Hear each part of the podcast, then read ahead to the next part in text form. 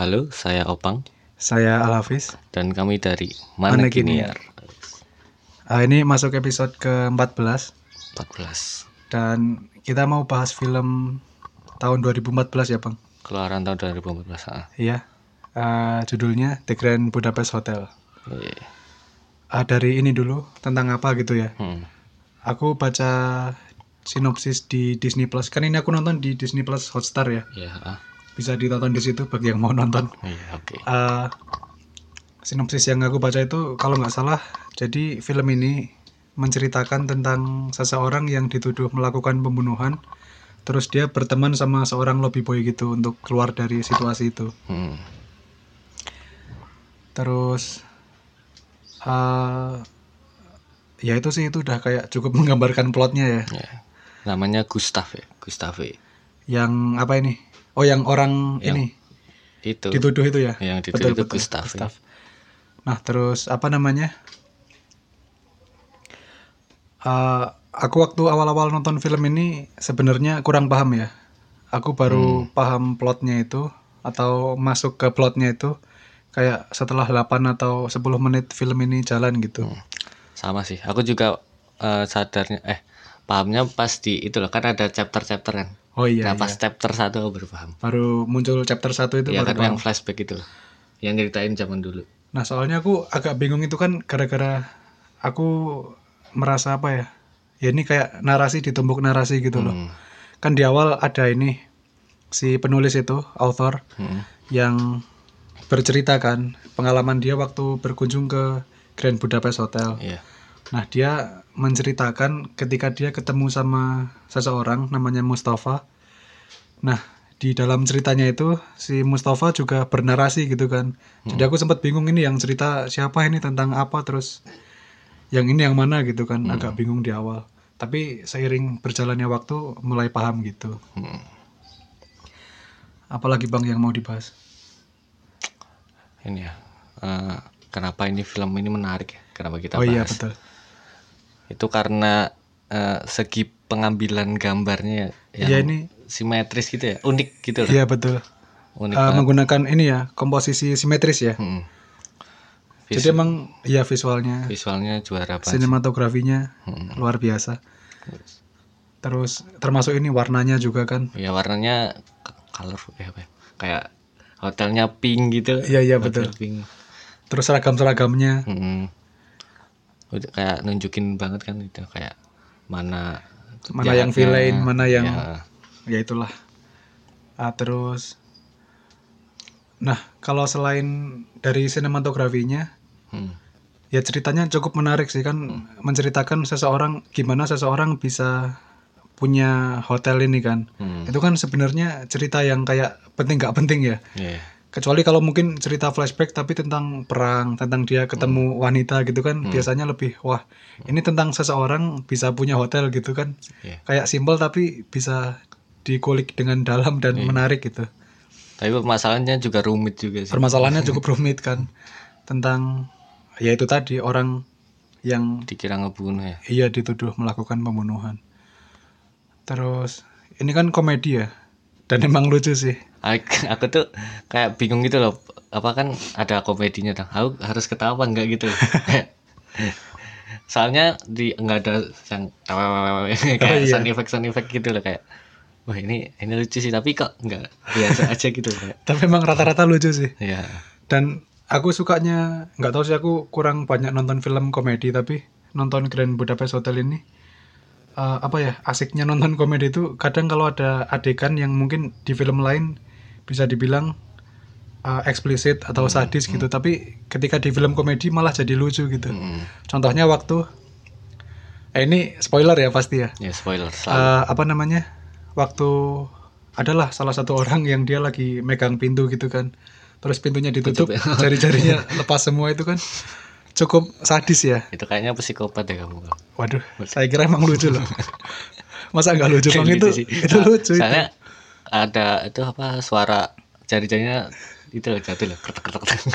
Iya, maksudnya kalau bukan film ya, Hmm. misalnya itu beneran gitu kan, ya emang sadis nggak lucu tapi Hmm. pengemasannya itu loh bikin Iya. jadi komedi aja gitu. Terus ada lagi yang itu kepala si Oh iya. wanita. Kepala Pas itu- literally kepala gitu. Tapi aku malah nggak takut sih malah. Itu aku bukan takut, cuma kaget kan. Ya, Ya, wajar lah ya, kaget. Tapi juga ada sisi komedinya gitu loh. Iya. Itu Iya banyak banyak komedinya juga sih. Ya, emang film komedi sih. Iya. Apalagi bang. Tapi menariknya itu yang bisa ngejelasin kalau flashback sama yang masa sekarang gitu loh. Itu dengan gimana itu? dengan segi kameranya yang 4 banding 3 sama yang 4 banding 3 yang flashback. Oh, aku malah baru tahu ini. Yang kotak gitu loh. Kan kotak Iya. kayak kotak gitu. Itu kalau Kalau flashback. oh kalau lagi flashback. Ya kan kita kan kan nonton itu kan film zaman dulu lah. Oh. 4 banding 3. Iya sih aku baru sadar ini. masa sekarang terus 16 banding 9 ya. Jadi kalau yang flashback itu rasio 4 banding 3. Iya, empat yang kotak itu ya? Ya, Oh iya iya, baru gokil. Terus apalagi Bang? Yang hmm, apa ya? Ya ini film unik ya kayaknya. Unik sih maksudnya aku baru pertama kali lihat film dengan komposisi simetris ini kalau aku. Nah, aku juga. Kalau kalau yang dulu kan ada itu yang one enggak dulu sih, maksudnya yang 1917 itu loh. Oh, itu kan iya, iya. cara kameranya visualnya kan one take gitu One sistemnya. Itu aku belum nonton sih. Dan langsung ini ada yang unik juga yang simetris terus. Setiap Dan scene ini- pasti bisa di screenshot jadiin wallpaper gitu kan. Betul ya. itu menarik banget. Kayak ya pas tengah itu ya simetris. Hmm. Eh, ya ini yang bertanggung jawab di balik sinematografi yang luar biasa ini ada sutradara Wes Anderson Uh, Wes Anderson. sama ini eh, apa namanya sinematografernya Robert Yeoman namanya. Hmm. Nah itu ya dua orang itulah. Ya mungkin ada lagi di selain mereka berdua tapi Hmm. yang mungkin paling ini ya bertanggung jawab atas sinematografi yang bagus ini. Iya sih. Nah terus eh, film ini kan menang banyak penghargaan kayak 20 lebih gitu Hmm. penghargaan. Pas itu di 2014. Penghargaannya kalau nggak salah 2015 kan filmnya 2014. Oh ya. Nah terus eh, tiga di antara tiga atau empat di antaranya gitu kalau nggak salah itu Oscars Hmm. Academy Awards. Cuma yang bikin Nggak aku heran menang. apa itu? Pas Oscar itu menang nggak? Menang menang empat penghargaan. Oh. Eh, best makeup, kostum, production design ada apalagi gitu kalau nggak salah. Nah cuma yang aku heran itu film ini malah nggak menang best cinematography. Hmm. Karena aku kaget ya ternyata uh, film ini untuk best cinematography di Oscars kalah sama Birdman. Hmm, Batman. Aku sendiri belum nonton Birdman sih. Aku pernah sih kalau nonton Batman. Batman tuh sistemnya itu yang one take gitu sistemnya. Nggak kayak kayak ngerekam terus gitu loh. Ya one take kayak 1917 itu ya. Nah, nanti sebutin gitu. Tapi kalau menurutmu pantas menang mengalahkan Grand Budapest nggak untuk sinematografinya? Sebenarnya aku nggak tahu ya kayak apa ada film lain nggak ya sebelum itu yang simetris simetris gitu. Oh iya sih. Kayak apakah dulu pernah ada terus menang Oscar gitu ya? Iya sih. dan ini dibuat lagi. Tapi menurutku unik aja sih kayak eh gimana ya? Ya cukup bikin aku wah gitu. Iya sih aku waktu nonton Wah. soalnya itu pertama kalinya aku nonton eh pertama kalinya aku nonton film ya dengan sinematografi kayak gitu, pengambilan gambar, komposisi simetris gitu. Hmm. Iya keren sih. Tapi kita kan ngomongin gambar dari segi cerita gimana? Kalau cerita ya itu tadi ya maksudnya eh Oke, sorry tadi ada azan. sekarang lanjut Ya. Tadi kan ngomongin dari segi gambar, visual. visual Sekarang ngomongin dari eh, cerita. cerita. Eh, menurutmu bang gimana? Apa aku dulu? Kamu dulu Al. Kan sebenarnya udah diomongin tadi di awal. Nggak awal banget sih, pertengahan. Kalau cerita kan tentang apa namanya? Gimana seseorang bisa punya hotel gitu kan. Hmm. Itu cerita yang simple dan penting nggak penting kan. Ya. Cuma ya bisa dibikin menarik gitu loh. Hmm. Ada cerita tentang eh apa namanya? keluar dari situasi tertuduh melakukan pembunuhan dan lain-lain gitu. Tapi kalau aku dari segi cerita tuh kayak masih apa ya? complicated gitu lah ceritanya kompleks banget ya kompleks banget terus gimana ya kayak aku yang kayaknya aku sih aku yang nggak bisa nyerna ceritanya dengan baik. Sama sebenarnya aku juga gitu kan. Apalagi aku harus bolak-balik lihat visualnya Hmm.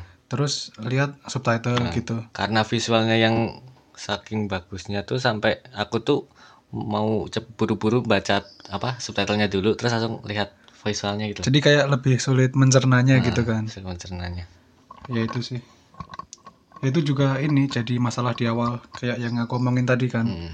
waktu ada narasi di dalam narasi kan aku bingung ini yang ngomong siapa terus tentang apa Iya. gitu kan. Aku bingung tapi akhirnya mulai masuk ke ceritanya gitu. Mungkin kalau pakai apa dubber oh iya sih. Cuma kadang kalau di dub Indo gitu ketawa aku. Iya. susah gitu loh. Bro. Soalnya- semakin komedi lagi berarti. Oh iya malah komedinya tambah kerasa ya. Salah lucu tapi aku kayaknya sampai sekarang nggak bisa sih nonton film di dub Indo gitu. Iya aneh soalnya. Kecuali kalau kayak SpongeBob yang kan emang udah sering tuh Oh, dari iya. kecil. Avatar dulu kan. Aku siap aku siap. Dora apa Talk Zone gitu ya. Hmm. itu kan udah biasa dari aku kecil jadi Upin Ipin. Upin Ipin ya eh Upin Ipin kan Malaysia. Di Jepang cuma troll bro. Eh, tapi kalau film-film kayak gini di dub Indo jadi malah apa ya mungkin nggak bisa fokus akunya. Ya mungkin ada yang menikmati ya dengan penikmatnya sendiri-sendiri lah. Penikmatnya yang dubber waduh. Enggak. ya kayak nonton Avengers gitu di dubber kan lucu juga. Di dub Arab bro. Dikira pengajian. Kayak komentator bola. Oh iya. Ini biasanya di apa? Link bajakan. Ya streaming ilegal. Eh nggak tahu juga sih. Takut salah. Waduh. Lanjut bang Eh, lanjut apa ya? Tadi ngomongin apa? Tadi kan ngomongin gambar udah visual. Cerita. Terus word tadi udah ya?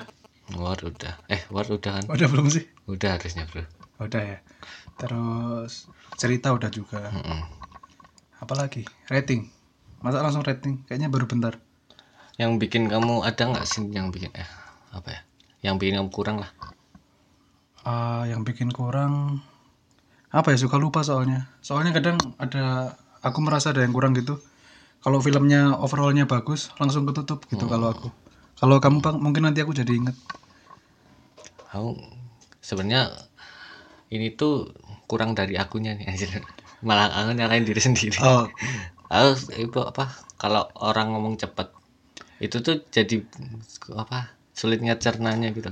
Oh iya sih aku juga sempat merasa itu apa bagiku mereka ngomongnya kecepatan gitu ya. Ya tapi itu bukan salah mereka kan? Iya iya memang ah, mungkin di kultur aksen dan sebagainya mereka emang ngomongnya kayak gitu. Tapi kan sebagai aku sebagai orang Indonesia gitu yang enggak ah, fluent banget lah di bahasa Inggris gitu. Harus baca subtitle juga kan? Iya. kalau dari sananya ngomongnya kecepatan ya jadi apa kacau di akunya gitu. Tadi aku sampai aku pause se- untuk baca. Subtitle. Baca subtitlenya dulu langsung aku play lagi ya gitu sih. Itu sebenarnya bukan kekurangan filmnya sih kekurangan Ya, dari kitanya sebagai penonton ya. Iya, kita kami sebagai penonton. Gitu sih. Apa langsung rating? Rating kali ya? Wah kalau rating aku 9 lah. Wah sama anjir. Kok selalu menyamakan Kayaknya baru tadi dah sama waktu bahas Cruella. eh kemarin. Anjir. Episode episode kemarin. Anjir. Episode sebelumnya. Episode sebelumnya. Kan dirilisnya bareng ini. Menurutku juga 9 sih 9 lah ya.